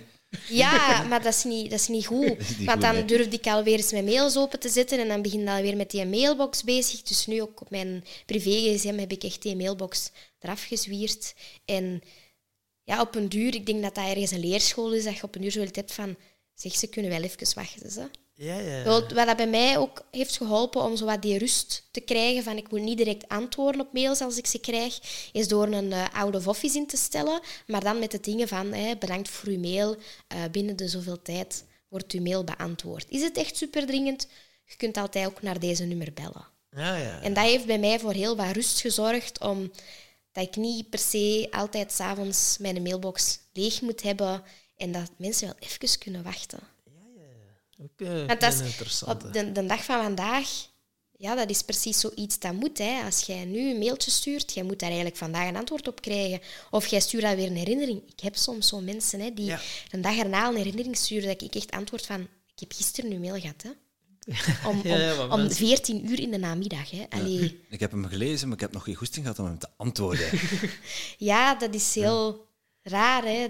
Dat is net hetzelfde als jij pakketjes bestelt, Allee, iets online bestelt. Ik ben ook heel hard voor om lokaal hè, iets Ja. te, te kopen, maar het gebeurt nu eenmaal. Je verwacht echt dat de dag nadien dat dat aan je Dacht deur dat is. Hè? Dan, dan zie je al staan, hè. Ja. En dat is net hetzelfde als met die mailtjes. En eigenlijk is dat verkeerd. Ja, dat snap ik. Maar ja, aan de andere kant, eh, ja, het is ook een stukje verwachting. eh, maar dan- is het ook weer in je eigen hoofd van... eh, jij denkt dat mensen dat van jou verwachten. Ja, waarschijnlijk. Ik, ik, ik heb dat, Sommigen verwachten het echt, want ze sturen heel- reminder. ja, hè, maar- ja, ik heb daar zelf enorm mee geworsteld. En dan vooral die e-mail. eh, maar ook telefoontjes. Hè, dat als ik gebeld word, dat ik het idee heb van ik moet opnemen. Ik ben tijdje aan het experimenteren nu door niet meer op te nemen. Het is ermee dat ik je niet meer kan bereiken. Juist. en ik, ik belde mensen gewoon, ik belde mensen gewoon terug wanneer, het jou uitkomt. Juist. Ja. En dat is ook een stukje opvoeding naar, naar Ja. andere mensen toe. Je verwacht van, oeh, ja, ja, oh, ja, zou ik nu opnemen, zou ik nu opnemen? Ja, je twijfelt om op te nemen, dan moet je niet opnemen. Ja, als je daar aan het werken bent, worden we weer gestoord. Hè? Ja. Dus dan, ja, ik zie dan die gemiste oproep, ik schrijf dan wel op een papiertje, want anders vergeet ik het ook. Papiertje schrijf ik de naam op van eh, terugbellen, post-it, Ja. en dan hang ik naast mijn computer en dan kan ik gewoon blijven doen waar ik mee Ja. bezig ben. Dat is Ja. wel... Als ik een collega aan de lijn heb die ik al eh, een maand of twee maanden niet gesproken heb, ja, dan kan het zomaar zijn dat dat mij een uur tijd kost. Dat is plezant. Eh, en dat is weer even bijbabbelen, dat is leuk, maar ja, Op die dan- moment niet, op dat moment komt dat niet uit. Nee. E-mail hetzelfde. Als er een e-mail binnenkwam, ik, ik had het idee, ik moet al direct reageren, want mensen verwachten dat ook. En ze, ze waren blij dat ik altijd direct reageerde. Maar als dat Maar dan... dat is een hele tijd pingpong, hè, want dan antwoordt hij weer terug en... Ja, soms ben je gewoon aan het chatten. Ja. Maar, maar ook dat, je, eh, dat mensen op een gegeven moment ook van jou verwachten dat je direct terugmailt. Dus als je dat een keer niet doet, dan, dan gaan ze je bellen, dan gaan ze je sms'en, gaan ze... Ja, dan denk je van... Gast, serieus, ik heb één dag de, Ja. die e-mail niet, niet, niet beantwoord en, en nu zitten zo op te jagen. Ja, maar ik heb daar zelf voor gezorgd. Omdat je dat op voorhand Ja, ja, ja, hebt gewoon die- gemaakt. Hè. die, is dat, die is dat gewend van mij. Klopt. Nu kijk ik eh, drie, vier keer per dag, maximum, eh, mijn e-mail. En ja, voor de rest, af en toe kijk ik nog wel eens e-mails, maar ik ga ze sowieso niet beantwoorden. Dus ik, ik beantwoord mijn e-mails maar op, eh, op drie keer per dag. Ja, maar dan kun je ook wel weer, Ja. hè, dan is het echt zo'n momentje van, oké, nu ga ik een uur lang e-mails beantwoorden. Ja. En als daar, ja, Dat heeft zo ook eens mooi op mijn planning gestaan. S morgens van eh 8 tot 9 mails beantwoorden wanneer ik op de deskbank zit. niet 's morgens doen, hè, mijn ervaring. Maar. Ja, het wordt ook wel eh, gezegd, als je afgeleid wordt, je zit in flow en met iets bezig, duurt het 20 minuten vooraleer dat je weer Ja. in die flow komt. Dus ja, dan is het wel ook eh, misschien een belangrijke tip voor de luisteraar om alles ook af te sluiten. Vliegtuigmodus en dat je gewoon niet kunt gestoord worden als je echt wel met dat deep work bezig bent. Mhm. Maar ja, het is in mooie dat zegt, ik pas het ook nog niet altijd toe. Maar dat is altijd... Ja, dat is altijd... er zijn zoveel tips en, en... Ja, je moet beginnen met ene en zien dat dat een routine wordt. Ja. En dan pas een volgende tip erbij pakken. Want ineens, bij wijze van heel je planning omgooien en, en op papier een, een mooier leven of een beter leven, hè, dat is niet haalbaar. Je Ja, vervalt behalve, behalve op Instagram. Ja, op Instagram. Maar, maar je, vervalt, allee, je, je valt direct terug in je, in je gewoontes. En als je telkens één dingetje verandert en dat is terug gewoonte, gewo- allee, dat is een gewoonte geworden, dan kun je een volgende erbij pakken. Ja, hoe meer nieuwe gezonde gewoontes dat je implementeert, ja, hoe meer kwaliteit dat je in, je leven hebt. En het is een beetje de strategie van tandenpoetsen dat je moet doen. Ja. Ja, je kan wel een keer een mindere dag hebben als je opstaat, maar je gaat niet zeggen, wow, fuck man, ik voel me slecht, vandaag poets ik mijn tanden niet. Nee, het zit in je systeem, dat doe je onbewust automatisch. En hoe meer dingetjes dat je zo op die manier ook gaat implementeren, ja, hoe gelukkiger dat je ook wordt. En laat dan nu net een mooi bruggetje zijn, Ja. zie ik, want onze podcast gaat over geluk en succes. Wat is jouw definitie van geluk? Goh. Doen wat je graag doet. Voornamelijk dat. En ehm, dat je s'morgens met een, eh, een, een, een happy gevoel eh, opstaat en dat je op het eind van een dag blij bent met wat je die een dag hebt kunnen doen. Ehm, voornamelijk dat. Wat zijn zo dingen die jij graag doet? Ik ga wel eens graag op reis. en ehm ehm, Blankenbergen. nu, lust een beetje verder. Ja, wat zijn zo uw eh, favoriete reisbestemmingen of uw mooiste reizen die je al gemaakt hebt? Ehm, ik ben ooit, eh, mijn, ik denk dat dat mijn verste reis is geweest naar Nepal. Oké. Ja, mijn, eh, mijn, mijn vader heeft eh, voorheen altijd een supermarkt gehad. En als jij bij leveranciers bestelt, dan kun jij punten sparen. En dan zijn er zo bepaalde georganiseerde reizen voor, eh, ja, in dat geval waren dat de Leize-eigenaars. En eh, ik ben eh, ooit zo mee naar zo'n reis gegaan. Dat is dan ja, georganiseerd door een bureau, maar daar hangen bepaalde leveranciers aan vast. En ehm, die reis is van A tot Z helemaal tot in de puntjes eh, ja, uitgestippeld. En toen die keer was hij naar Nepal en dat was echt Wauw. heel mooi. Ja. Oké. Dat maakt Voor de, rest, gelukkig. voor de rest zijn mijn reizen niet zo op die manier, maar, maar ja, eens een keer gaan skiën een week en dat hoeft niet altijd op dezelfde plek te zijn. Of eh, in de zomer eh, naar waar het warm is. Ehm, ik ben eigenlijk net terug van Oostenrijk. Dat is ook eh, jaarlijks staat dat bij ons op de planning om met de familie. We hebben niet zo'n heel grote familie langs de ene kant. eh, maar om daarmee naar Oostenrijk te gaan, de grootouders gaan mee. Dat vind ik ook echt een eh, momentje om daar met iedereen... De family zijn. time eigenlijk. Zo, ja, de- met- familie en vrienden, dat, vind ik ook heel belangrijk. Dat draagt ook mee aan mijn geluk. Ja. Mooi. We hebben het over geluk, Pardon, we hebben het over geluk gehad. Ehm, podcast gaat over geluk en succes. Dus ik ben ook wel benieuwd, ja, hoe zou jij succes omschrijven? Dat is iets waar ik zelf nog heel hard mee bezig ben. Van, ja, wanneer, is het, wanneer is iets goed? Eh, wanneer is iets succesvol? Wanneer is... eh, eh, als je kijkt bijvoorbeeld naar, naar omzetgewijs of zo, wanneer is het goed? Daar ben ik zelf nog heel hard mee, eh, ja, mee, mee zoekende, eh struggelen, alles bij elkaar. Dus dat vind ik echt een heel, heel moeilijke vraag. Oké. En stel dat het een makkelijke vraag zou zijn, wat zou je dan antwoorden? gewoon als mensen aan adverteren denken, dat ze aan mij denken, dan vind ik dat het, dat het succesvol was. Dan is ad- eh, advertised by, by Lau- Lauran is dan succesvol. ja, Ehm, maar wanneer is Lauran succesvol? Wanneer ben ik succesvol? Ehm tja, ik, ik vind dat dat heel hard aanleunt bij, bij geluk. En, en ik vind als, als ik eh, gelukkig kan opstaan en gelukkig kan gaan slapen en al die dingen kan doen dat ik graag wil doen, zoals op vakantie gaan, familie en vrienden, ik vind dat ook succes. ja, Ik kan ze, sorry, ik kan ze niet uit elkaar halen. zeker. ook niet.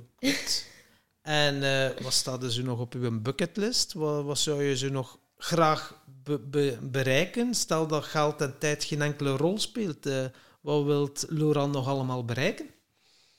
Nog meer eh, online cursussen en online opleidingstrajecten ehm, ja, van de grond stampen. Niet volgen.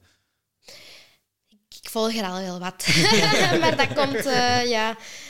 Dat is tussen de soep en de patatten vaak, hè. Maar ehm, Nee, je wil, je wil gewoon zelf meer... eh, Ja, echt je pro- je nog een volwaardiger ja. opleidingscentrum. eh, in, wanneer ben ik in de krant gekomen? Ehm, ik denk ergens in april of, of mei. Nee, het gaat eerder eind mei zijn. eh, Ben ik in de krant gekomen met eh, het openen van eh, mijn opleidingscentrum in Hoogstraat. Dus ik heb echt aan een bureau met, eh, coachingruimte waar de 18 man eh, kan zitten. En ik had die al iets langer, maar ja, corona. Hè. Ja.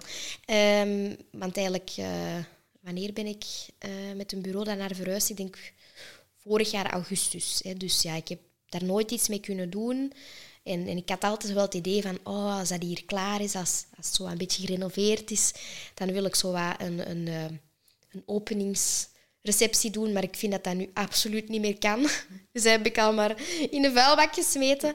Ehm, maar ik heb er zo toch een beetje ja, iets feestelijk aan, aan, eh, aan vastgemaakt. gemaakt dat het wel open kon gaan, het opleidingscentrum, dat mensen wel tot daar konden komen om opleidingen te volgen.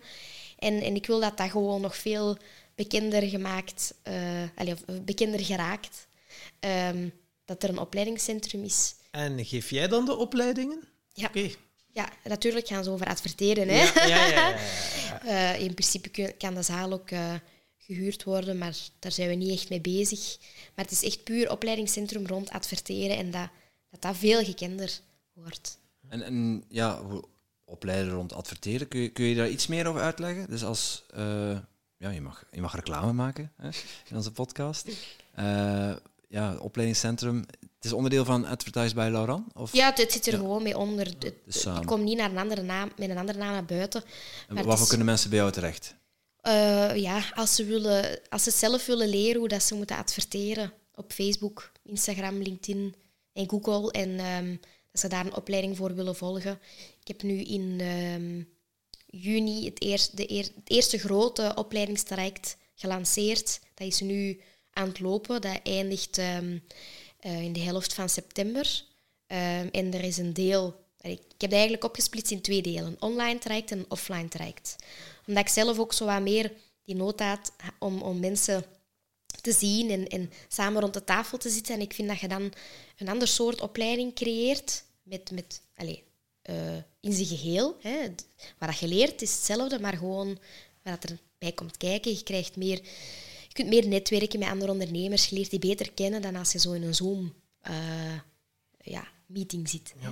Dus er is een online traject en een offline traject. En het offline traject komt om de twee, drie weken komt tot Hoogstraten eh, bij mij om daar eh, een volledige dag eh, opleiding te krijgen. Dat zijn vijf dagen in totaal. En het online traject is ja, online en is ook maar een halve dag. En mensen kunnen zich daarvoor inschrijven op je website? Ja, maar er is nu een wachtlijst voor. Want het is niet dat ze zomaar altijd kunnen instappen. Het is een klein groepje van ondernemers. En het volgende gaat pas in oktober online gaan. Ehm, Schaarste creëren. Je moet ze de marketingtrucjes niet leren. Ik hoor het al. Je zegt, ja, je En- wilt echt wel de kwaliteit leveren. ja, ja. ik heb zelf in, in eh, opleiding gevolgd waar dat je met meer dan 100 man in een online, in zo'n Zoom-meeting zit. eh, en oh, nee, Nee. nee dat, dat, dat vond ik echt niet, niet leuk. Ehm, Dat snap ik ook De wel. online cursussen, ik heb, ik heb ze, dus, dus ze, ze, ze worden ook aangeboden. Eh, en daar kunnen zoveel mogelijk mensen instappen. Ja. dat is de bedoeling. Maar bij die, ik wil ja, het niveau wel hoog houden van die coaching. En liefst van al eh, screen ik van tevoren wie dat er in die coaching komt. Er is heel duidelijk op die landingspagina waar ze moeten inschrijven vastgesteld van je moet dit al kunnen. Deze woorden rond de hashtag en bio. En er is voor u niet, niet onbekend. Ik wil niet Ja, ja, van ja, ik wil een bepaald niveau in, in die coaching krijgen, want anders, eh, dat had ik in het verleden bijvoorbeeld in die workshops gezien, ja, als je nog moet gaan uitleggen wat een hashtag is, dan zie je al een paar mensen zuchten. Van, "Goh, moet die dat nu echt uitleggen? Kunnen we niet verder? Ja. En, en dat is niet erg, hè, als je dat niet kent, maar dan, Nee, maar dan ja, moet is je een mismatch, andere... ja. Ja, ja. Ja. Ja, daarbij de- er komen de vragen en dat zijn dan ja, simpele vragen. Ik bedoel, elke vraag is terecht. Maar Ja. eh, dan heb je die liever, die Ja, mensen dan allemaal samen in één je. groepje. Ja, want anders vertraagt je Is gewoon dat de misschien groep. een ideetje om, eh, ja, ik weet niet dat het tijd hebt voor beginners en gevorderden of zo? Of eh, is dat zo niet? Nee, je hebt één Ja. Ik vind zo, hè, die uitleg rond hashtags en bio, dat is niet mijn vakgebied. Dat is iemand die, dat is een social media coach. Eh, en en ik, ik, ik werk met iemand daarvoor samen. Allee, dat is iemand waar ik eh, heel vaak mee samenwerk. Ik, ik weet heel goed wat hij allemaal kan. Die doet dat supergoed. Die is eigenlijk Instagram-coach. En als ze nog niet op dat niveau zitten, dan verwijs ik ze heel graag Ja, door naar haar. En als ze daar eh, een traject of zo hebben gevolgd en zijn helemaal mee, dan nadien zijn ze heel welkom bij mij. Mooi, ja, dat is echt wel het jaar van de samenwerking. Hè. We horen dat regelmatig in onze podcast. Meer en meer ondernemers gaan echt wel Ja, en, samenwerken. en, ik, ik heb daar ook absoluut geen commissies op of zo. Op die manier werk ik zelfs liever niet samen, want dan ga dat maar doorverwijzen om er zelf iets uit te halen. Het is echt puur van, ik, ik geloof in die persoon, die doet haar job supergoed. En ja, als ik daar iets aan geef, dan komt er ooit misschien wel iets terug. Maar als dat niet zo is, ja, zo be it. Maar de klant is goed geholpen. Mooi. Ehm, ja, ik zie, ehm, eh, we hebben geluk en succes behandeld. Eh, ik denk eh, ja, dat wij langzaam richting de vraag van de volgende gast kunnen gaan. Eh, we hebben jou vooraf al getipt eh, dat je een vraag mocht stellen voor, voor de volgende gast. Je hebt ook al een paar podcasts geluisterd, dus je wist dat, dat het eraan ging komen. Je had een hele goede vraag klaarzitten. Ja, alleen hele goede vraag. ze, ik hoop dat ze er nog is. Eh, voor de volgende persoon, eh, de vraag daarvoor is: wat is de grootste fout eh, op vlak van ondernemen dat hij heeft ja, gedaan? Ja, dat is een mooie vraag. Dan hopen dat het een ondernemer is, hè? Ja, hoeft niet per se. Allee, als het geen ondernemer is, op, op, op werkvlak, ik zal het zo zeggen. Hè. Als iemand is die, die geen ondernemer is, dan kun je ook een grote fout begaan. eh, Wat ja, is de werk. grootste fout die je begaan hebt op vlak van ondernemen? Ja, of, of werkvlak. Ja, mooie vraag. ben benieuwd. Oké, als, als mensen meer over jou willen weten en, en over, eh, over de opleiding eh, of over de cursussen die je aanbiedt, wa- wa- waar, kunnen ze dan terecht, eh Ehm, ja, op mijn Facebook of Instagram, eh Advertised by Lauran, dat is de naam. En eh, ook op mijn website, dat is www.advertised.be. Oké, we zullen Ja. de, eh, de doorverwijzingen ook onderaan in onze, in onze blog. Wij schrijven altijd een blog, dus eh, en de show notes van deze podcast zullen we ook de, de linkjes eh, zetten, Ja, zodat mensen daar kunnen doorklikken. nu ook wel zeggen, onze luisteraars die houden enorm van cadeautjes. Heb jij soms iets dat je kan weggeven, speciaal voor onze luisteraars? Ehm, als ze graag willen leren adverteren, dan heb ik een gratis module. Oké. Ja, dat is een, eh, een eerste module van mijn online cursus. En ehm, ik zet ze eigenlijk op weg om op de juiste manier, op de juiste plek te gaan adverteren. Eh, want eh, nog veel mensen adverteren door op de blauwe knop op bericht promoten te drukken. Hè, die blauwe knop komt altijd tevoorschijn. Zeg niet dat je het op die manier doet, hè? Nee. Ah, dat is goed. maar die Ik- blauwe Ik weet knop... zelfs niet van een blauwe Ik kan niet knop, ontkennen dat ik er nog nooit op gedrukt heb. eh, nee, nee, Laurent, maar iedereen zal daar Ja. wel eens op gedrukt Ik heb hebben, gezien dat, er dan, dat dat eigenlijk gewoon kaching is voor Facebook, Ja. maar dat er niks gebeurt. Nee, voilà. Inderdaad. Je krijgt, eh, veel mensen zullen misschien uw bericht gezien hebben of eh, geliked hebben, maar dat is misschien niet uw doel. Jij wilt misschien ja, meer mensen naar uw website trekken, naar uw podcast bijvoorbeeld. Hè, dus. Ehm, en ehm, ik leg in die module uit wat dat die een blauwe knop doet en waarom dat je dus er niet meer op mocht drukken.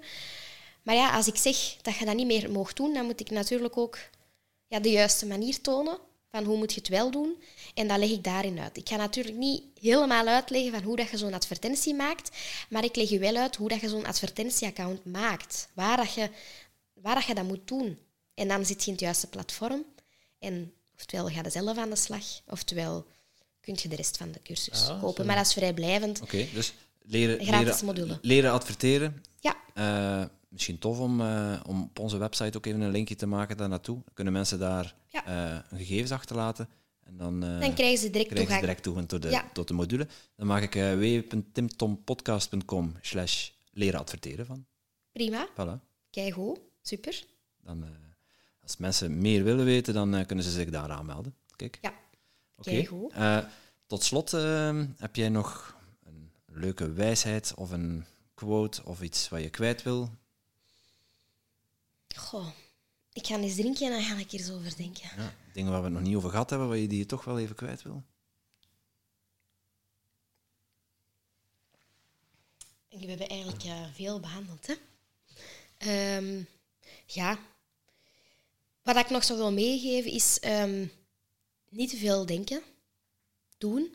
Als je iets wilt doen. Het is nu de moment. En zolang dat er niemand bij sterft, is het niet erg als het fout loopt.